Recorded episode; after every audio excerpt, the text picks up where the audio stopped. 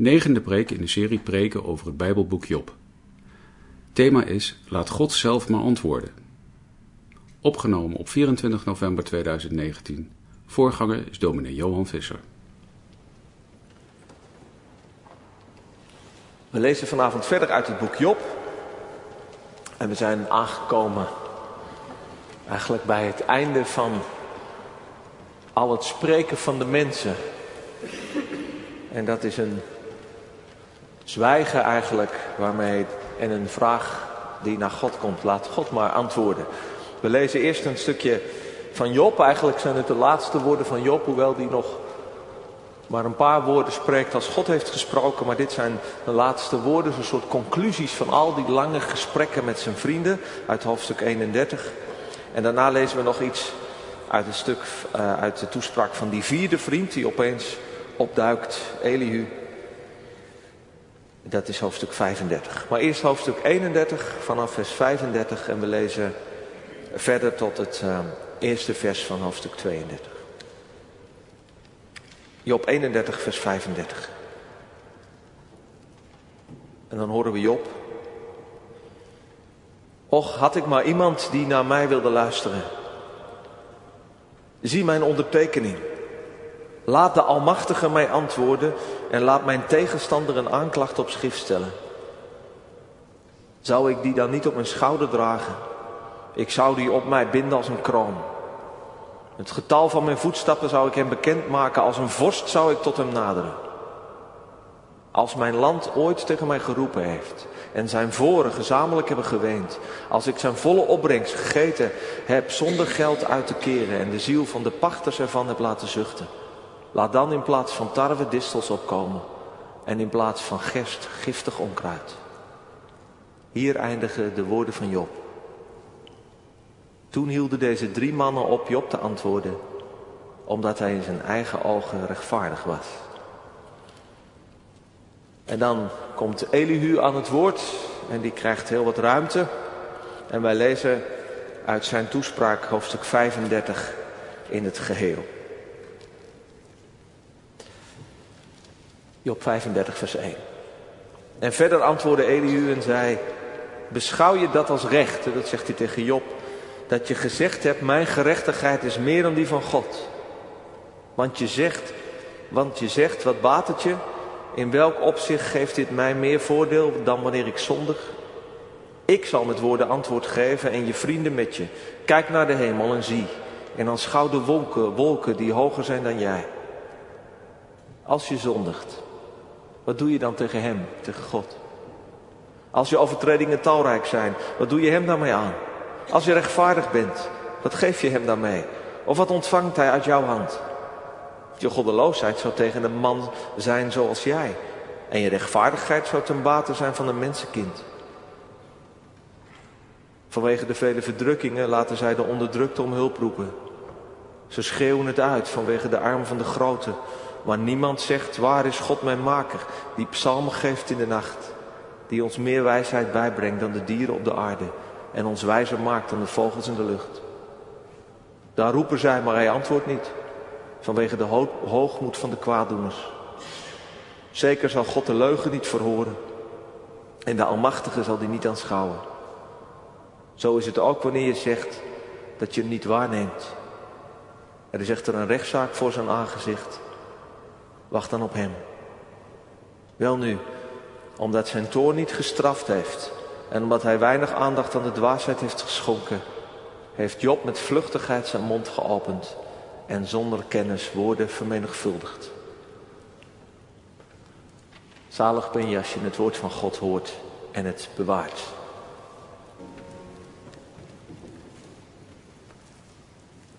Gemeente van Jezus Christus. Twee studenten op een dak in het donker van de nacht. Na een gesprek met veel drank over het geloof dat de een heeft vastgehouden en de ander heeft verloren. En die laatste, die heeft het over het lege heelal boven hem en die doet dan een voorstel. We spreken dit af. Als er een grote baas over het heelal is, dan mag hij over drie seconden een meteoriet op mijn kop laten vallen. Zo niet, dan zijn wij de baas. En maken we er een mooi feestje van. Hij telt tot drie en het blijft stil. Als ze terug naar beneden gaan, bedenkt de ander, als God bestond, dan had hij ons kunnen pletten, maar hij deed het niet. En als hij de uitdaging niet had willen aangaan, had hij tenminste iets kunnen zeggen. Maar ook dat deed hij niet. Toen op het dak werd het spel gespeeld. God verloor. Wij wonnen. Het is een scène uit de roman Overwinteren van Gert-Jan Segers. Vandaag de dag is die politicus. En ik, dat heeft blijkbaar mij geraakt, want ik, ik heb het nog steeds, um, die scène in mijn hoofd. En die kwam weer boven bij, uh, bij de voorbereiding van deze dienst. Heeft me denk ik geraakt, omdat het ook iets over mijzelf zegt. Ik herken een beetje mijn studententijd erin. Het heeft wel iets pathetisch, kinderlijks bijna, hè, van een klein mensje die de grote schepper uitdaagt om een teken te geven. Maar tegelijk is het denk ik wel voor ons allemaal herkenbaar. Al was het maar als een verlangen. God die antwoord geeft. Die, die zich toont, die, die zijn bestaan bewijst. En niet uit, uit een boek, niet mensen, een, een dominee of wie dan ook die zegt, ja maar, maar God bestaat. Geen conclusies dat er wel iets moet zijn als je er eens over nadenkt, maar gewoon heel duidelijk en direct een antwoord van God. Wij vragen en hier is het. Met dat verlangen eindigen ook de gesprekken in het boek Job. Laat de Almachtige mij antwoorden. Horen we Job zeggen in zijn conclusies. En God antwoordt ook. Dan komen we over uh, enkele, denk volgende week komen we daarop terug. Nadat alle stemmen van Job en van zijn drie vrienden en ook van die, die woedende vierde vriend, die Elihu, die ook nog een duit in het zakje mag doen, zijn verstomd, klinkt Gods antwoord uit de storm. Ja, hoe zit dat? Heeft het zin om God om een antwoord te vragen? En hoe, hoe dan? Het heeft er denk ik mee te maken dat wij mensen er niet uitkomen. Wij praten natuurlijk, wij, wij denken, wij debatteren, wij filosoferen. Maar als het over de grote vragen gaat, zoals die vraag van het, van het lijden, waarom dat mensen treft, de een wel, de ander niet, en hoe dat in verhouding staat tot wat je doet in je leven, dan, dan stuiten we altijd op een grens. En je merkt dat eigenlijk heel mooi in het boek Job. Aan het begin van die derde ronde, want daar zitten we alweer, de derde ronde van het gesprek tussen Job en zijn drie vrienden, begin je wel een beetje moe te worden. Je denkt, nou ja, volgens mij beginnen ze wat in herhaling te vallen. En het is duidelijk, die drie vrienden kunnen Job niet overtuigen en andersom Job ook zijn vrienden niet. Moeten ze echt nog maar door blijven gaan? En die eerste, die Elifas, die krijgt dan nog ruimte, die houdt een hele reden nog, zijn derde al. En Job die antwoordt hem met nog meer woorden. En dan volgt Bildad, de tweede. Maar het zijn maar een paar zinnetjes. Waar het gaat over het oneindige verschil tussen God en de mens. En die laatste zegt Bildad, die mens dat is maar een worm, een made. En dan reageert Job. En het lijkt erop alsof Job die, die tweede vriend in de reden valt. Op het moment dat hij heeft gezegd, de mens is maar een worm. Dat Job het niet meer trekt. En die derde vriend, die Zofa, die komt helemaal niet meer aan het woord. Die heeft maar twee keer in het boek, mag hij iets zeggen. In ieder geval is het duidelijk, de vrienden zijn uitgepraat. En alleen Job krijgt nog het woord. En hij reageert op Bildad en het loopt uit op een aantal monologen. waarin hij als het ware met zichzelf in gesprek is. Over de onbegrijpelijkheid van God. En dat de wijsheid, dus waarmee, waarmee wij mensen het leven kunnen begrijpen,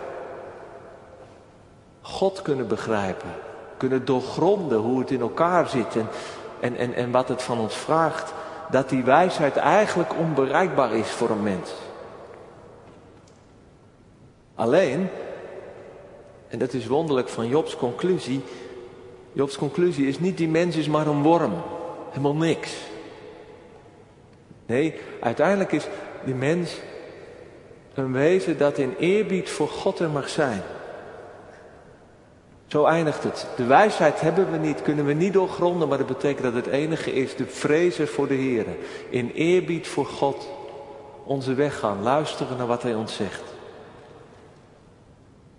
En dat doet hij dan blijkbaar ook, Job, want dan overdenkt hij vervolgens zijn leven. Eerst zijn toestand van geluk en zegen, voordat het vreselijke hem overkwam. Dat is hoofdstuk 29. Daarna zijn, zijn huidige toestand van diepe ellende, hoofdstuk 30. Om vervolgens af te sluiten in hoofdstuk 31 met zijn zoveelste verklaring van onschuld. Want leven in ontzag voor God, in eerbied voor God, betekent dat je ook heel eerlijk je leven mag openleggen voor Hem. En we hebben dat stukje gelezen, dat laatste. Aan het eind zet hij er een soort zijn handtekening onder. Alsof hij wil zeggen, hier nogmaals, Heere God, mijn onschuld. Met een eed en met een handtekening bekrachtigd. En laat de Almachtige nu maar antwoorden. Hier is mijn zaak. Laat mijn tegenstander, hij bedoelt de Heere God daarmee, maar een aanklacht op, opstellen. Maar als die aanklacht komt, dan zal ik die als een kroon op mijn hoofd zetten. Ik zal hem op mijn schouder binden. Met andere woorden, ik hoef me nergens voor te schamen. Ik kan het getal van mijn voetstappen, dat wil zeggen mijn hele levenswandel, kan ik aan God bekendmaken en ik kan met opgeheven hoofd als een vorst tot hem naderen. Dus niet als een worm voor, voor hem door het stof gaan, maar als een bondgenoot van God. Eerlijk en overtuigd van zijn onschuld voor hem staan. En dan volgt een klein zinnetje van de schrijver. Hier eindigden de woorden van Job. De woorden van Job zijn compleet, staat er. En dat is hetzelfde woord in het Hebreeuws als oprecht. En dat is wat, wat God over Job in het begin heeft gezegd. Heb je, heb je Job gezien, zegt hij dan tegen de Satan. Oprecht is hij. Zo wandelt hij voor mijn, voor mijn aangezicht. En de schrijver wil zeggen, mensen let op. De duivel heeft het verloren. De duivel had gezegd, als Job alles verliest, dan zal hij u, Heere God, in, in het gezicht vervloeken. Heeft hij helemaal niks meer met u. En je kunt God ook vervloeken als een worm. Zoals een slachtoffer de beul of de dader vervloekt. Maar dat is dus bij Job niet gelukt. Job die blijft tot het einde God zoeken en vasthoudt. Oprecht. En dat hebben we van, van Job geleerd, denk ik. Oprecht, dat betekent ook eerlijk. Ik ben onschuldig. Hier sta ik. Ik vind dat best wel spannend. Wie kan dat nu zeggen? Laat God maar komen met de aanklacht. Want er staat helemaal niets in waar ik me voor moet schamen als God mijn leven zal wegen. Ik durf de confrontatie met God wel aan als een vorst. Nou, ik niet. Als Gods aanklacht tegen mijn leven op mijn hoofd stond, dan zou ik met de staart tussen mijn benen vertrekken. En als mensen tegen mij zeggen, het gebeurt wel eens, ik ben rechtvaardig, ik ben best goed bezig, al zeg ik het zelf. Dan, dan zeg ik, nou ja, of dan denk ik meestal, Ken jij jezelf wel echt? Job, ja Job is buiten categorie zouden we zeggen. Misschien wel een, een prototype van Jezus. Maar wij, je kunt je natuurlijk ook afvragen, moet je daar allemaal wel zo druk mee maken? Of dat je het goed doet, dat je onschuldig bent? Bij Job gaat het natuurlijk wel om verdediging. Dat is goed om te, te beseffen. Hij wordt door zijn vrienden beschuldigd dat, dat het lijden dat hem overkomt te maken heeft. Dat hij een aantal dingen mis heeft gedaan in, in zijn leven. En dan is je onschuld verdedigen, is natuurlijk dan wel iets anders dan jezelf op de bos gaan en zeggen van nou kijk mij eens even, ik doe het goed. Het lijkt niet echt voor ons weggelegd, hè, dat, dat van Job. Maar ik bedacht mij, waarom zouden we daar nou ook zo bang voor zijn? Waarom zouden we niet verlangen om, om zuiver te leven? Om echt volmaakt onze weg te gaan? Dat is best bijbels hoor. Jezus die roept zijn volgelingen op om volmaakt te zijn zoals jullie vader in de hemelen volmaakt is. En zou hij dat nou alleen maar doen om ons, om ons onze zonde te laten zien? En Paulus die zegt tegen de gemeente van Filippi dat ze moeten werken aan hun zaligheid, aan hun verlossing, opdat jullie onberispelijk en oprecht zullen zijn. Kinderen van God, smetteloos als licht dat in het duister schijnt. Ik moet denken aan een jongere die ik sprak toen ik bij het jeugdwerk in een andere kerk betrokken was. En die in alle oprechtheid tegen mij zei dat hij niet zo'n last van de zonde had. Ja, één zonde had hem heel goed in de weg gezeten, maar die was door God van hem weggenomen. En nu leefde hij onbekommerd en oprecht met God. En in plaats van te zeggen van, nou jij kent jezelf niet echt, of nou jij komt jezelf nog wel tegen, of, of leef jij niet wat oppervlakkig, was ik diep onder de indruk. Ik kende hem een beetje en ik merkte dat hij het meende. En ik dacht, was ik maar zo geweest. Waren er maar meer van die jongeren. Want al dat gezondaar. En al dat we zijn maar wormen. We zijn nooit meer dan bedelaars. Dat kan stiekem natuurlijk ook wel een beetje laf zijn. En een beetje gemakkelijk. Dat we het op een akkoordje gooien om maar een beetje wat aan te rommelen in ons leven. Dat we tevreden zijn met een smoezelige spijkerbroek met scheuren en vlekken en een paar vuile sneakers.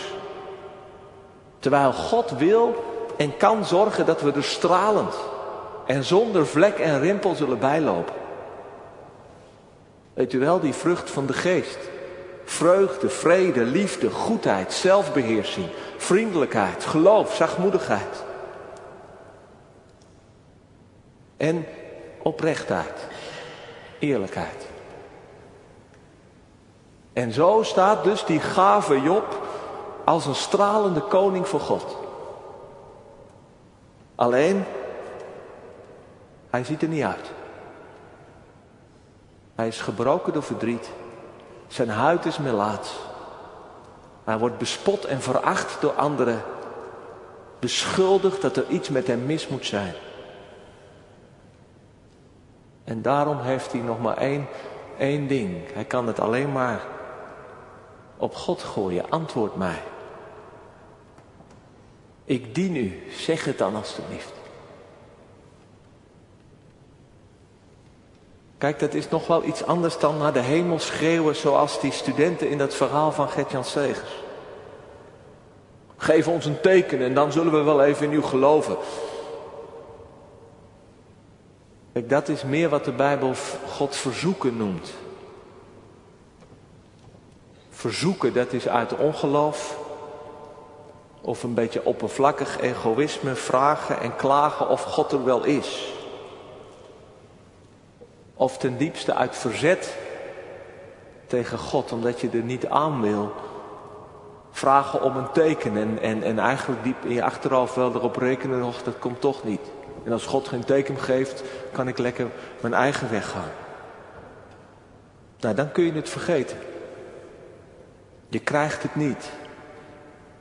Zoals Jezus tijdgenoten die een teken van hem vroegen, het niet kregen. Ja, ze kregen het teken van Jona.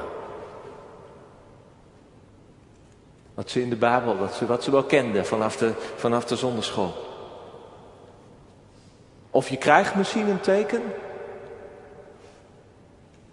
maar het verandert je leven niet. Het brengt je uiteindelijk niet dichter bij God en bij zijn bedoelingen, zoals het volk Israël in de woestijn af en toe tekenen kreeg, maar uiteindelijk bleven ze helemaal dezelfde. En dan zijn we eigenlijk bij wat die vierde figuur, die Elihu, ook zegt in het hoofdstuk 35 wat we hebben gelezen. Hij zegt, ja, die, die mensen die roepen en die schreeuwen wel tot God, vers 12, maar eigenlijk vragen ze niet naar God hun maker.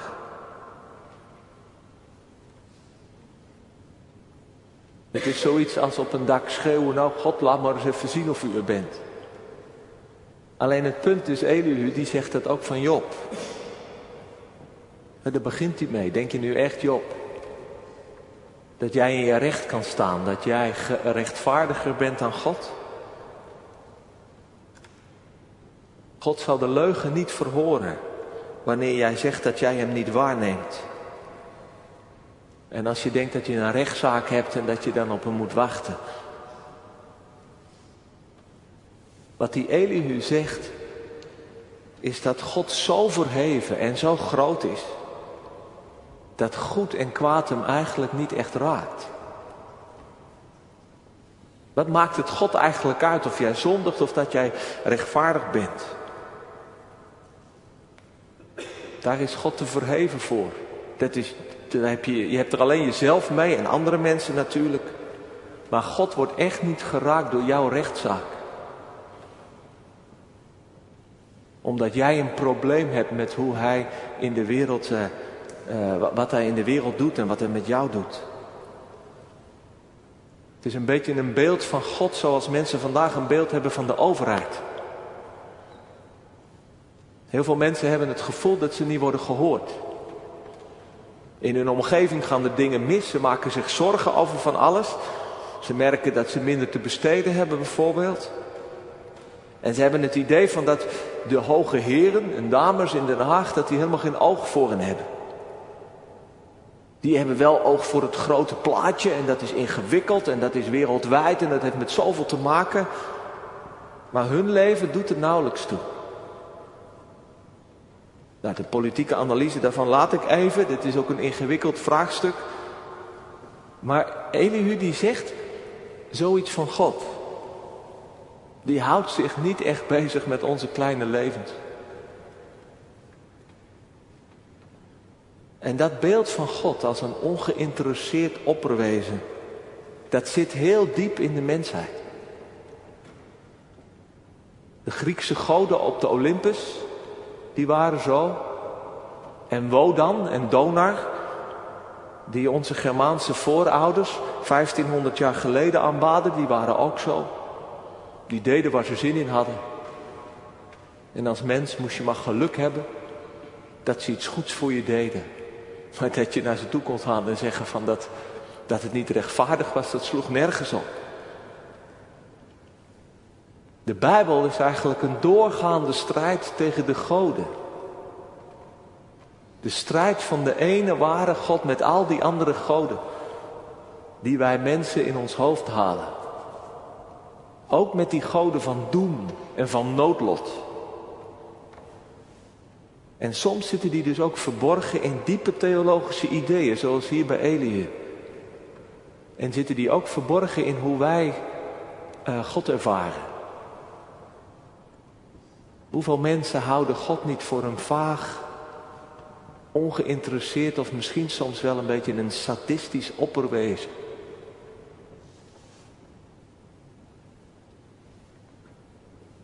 Maar goed, door al die verschillende stemmen in het boek Job raken we wel wat in verwarring. En ik kan me voorstellen dat als u hier vaak bent geweest in de avonddiensten, dat je ook denkt van, waar moeten we nu precies hier allemaal over denken? Wat is nu echt de waarheid? Wat is, wat is nu de goede weg die, die, die de schrijver ons, ons wijst? Ik denk dat de Bijbelschrijver van het boek Job, dat hij heel bewust een beetje die verwarring toelaat. Al die stemmen. Van die mensen die maar praten, die hun visies hebben, die het weten en de een nog stelliger dan de ander. Als ze zwijgen, dan zie je door de bomen het bos niet meer. En dan krijg je automatisch ga je denken, een beetje ongeduldig, nou laat de Heere God het zelf maar zeggen, want we weten het niet meer. Wat kunnen we van God verwachten? Hoe zit het nu met God die aan de ene kant groot en verheven is, aan de andere kant zo nabij komt? Laat God het dan maar zeggen. En ik denk dan dat we bij het punt zijn gekomen van geloven. Want dit is denk ik uiteindelijk de weg van geloven. Wachten op het woord van God. Het daarvan verwachten. Geloven is veel meer dan ons praten en ons denken en ons voelen over God. Wij geloven in de levende, die spreekt, die de eerste en de laatste is. En die ook het eerste en het laatste woord heeft. Nou, laat hij dan maar spreken. Geloof is dus ook meer dan een monoloog. Een zelfgesprek. Want Job die houdt best een heel lang zelfgesprek met zichzelf. Daarin maakt hij de balans op. En dat hoor je ook wel veel. Hè, van dat mensen dat, dat, dat zeggen tegen je of over zichzelf zeggen van ja, je moet, uiteindelijk moet je het uit jezelf halen. Je moet het in jezelf zoeken. Heel diep misschien. Maar ook dat is niet genoeg. Wij hebben iets van buiten nodig. Dat we worden gezien, dat we worden gekend, dat we worden aangesproken. En daarom kun je dus vragen om een antwoord van Gods kant. En dat mag ook vanuit je recht, zoals Job. Eerlijk en oprecht. Maar God zij dank mag het ook vanuit je schaamte. Vanuit je schuld. Dat klinkt natuurlijk veel, heel, heel anders. Maar het is ook uiteindelijk de vraag, Heere God, wilt u iets tegen mij zeggen? Wilt u niet zwijgen, maar me aanspreken? Een woord van vergeving, dat het goed is. Het boek Job is zo bezien ook een uitnodiging om het gesprek aan te gaan. Als je leven op het nulpunt is gekomen. Of als je leeft met veel twijfels en vragen. Of misschien als je niet goed weet hoe dat allemaal zit met geloven en God en, en, en, de, en de kerk en die zegt dit en de ander dat. Of als je ondanks al je geestelijke bagage, dat je toch het gevoel hebt, er klopt iets niet, ik mis iets. Ga dan het gesprek met God zelf aan. En doe dat met vertrouwen. Dat God hoort en spreekt, dat hij in je geïnteresseerd is. Ik Job die kreeg niet direct zomaar antwoord. En ik kreeg ook niet direct een oplossing voor al zijn pijn en zijn vragen. En het antwoord komt in een storm. Dus dat kost nog wel wat moeite om het te begrijpen. Als je met God in gesprek gaat, moet je niet eisen dat het 1, 2, 3 duidelijk is. Dat er een meteoriet of dat er een, dat er een regenboog in je keuken verschijnt. Maar dan mag je in vertrouwen kijken, luisteren, verwachten dat God iets laat horen. De Bijbel staat vol van die beloften. Waarin God zegt, wie mij aanroept, die zal ik antwoorden. Die zal ik redden. Als je zoekt zul je vinden. Als je klopt, de deur zal voor je opengaan. En ik dacht, laten we nu straks in ons gebed gewoon maar eens een moment stil zijn. Waarin je een, een persoonlijk gesprek met God kunt aangaan of, of vervolgen. Want het boek Job dat is natuurlijk niet zomaar een mooi of, of interessant verhaal. Het is woord van God, het gaat over ons. Het gaat over God en, en jou en u en mij. Wil je een antwoord? Heb je een vraag? Misschien wel een vraag die heel je leven met je meegaat. Of dat nu een pijnlijke is of niet. Stel die dan. Zeg maar, Heere God, antwoord mij. Uiteindelijk is dat ook bidden. Hoort dat ook bij het gebed. En ik moet toegeven, dat, dat is misschien, klinkt misschien een beetje kinderlijk. He, zo, zo direct een antwoord verwachten. Dat God dan zou luisteren en antwoorden. Of ook wel een beetje van ja, kinderlijk in de zin moeten we niet gewoon aanvaarden hoe het is. Of het zelf oplossen. Zelf het antwoord, antwoord vinden. Maar bidden is natuurlijk niet voor de wijzen. Of voor de mensen die het allemaal weten. Of voor de mensen die, die, die gewend zijn om hun eigen boontjes te doppen. Nee, het is voor hen die inzien. Dat als het gaat over je diepste noden. Dat al je wijsheid en al je kracht machteloos is. Mensen die net als Job wachten op een antwoord dat hen zal redden en hoop geven. Amen.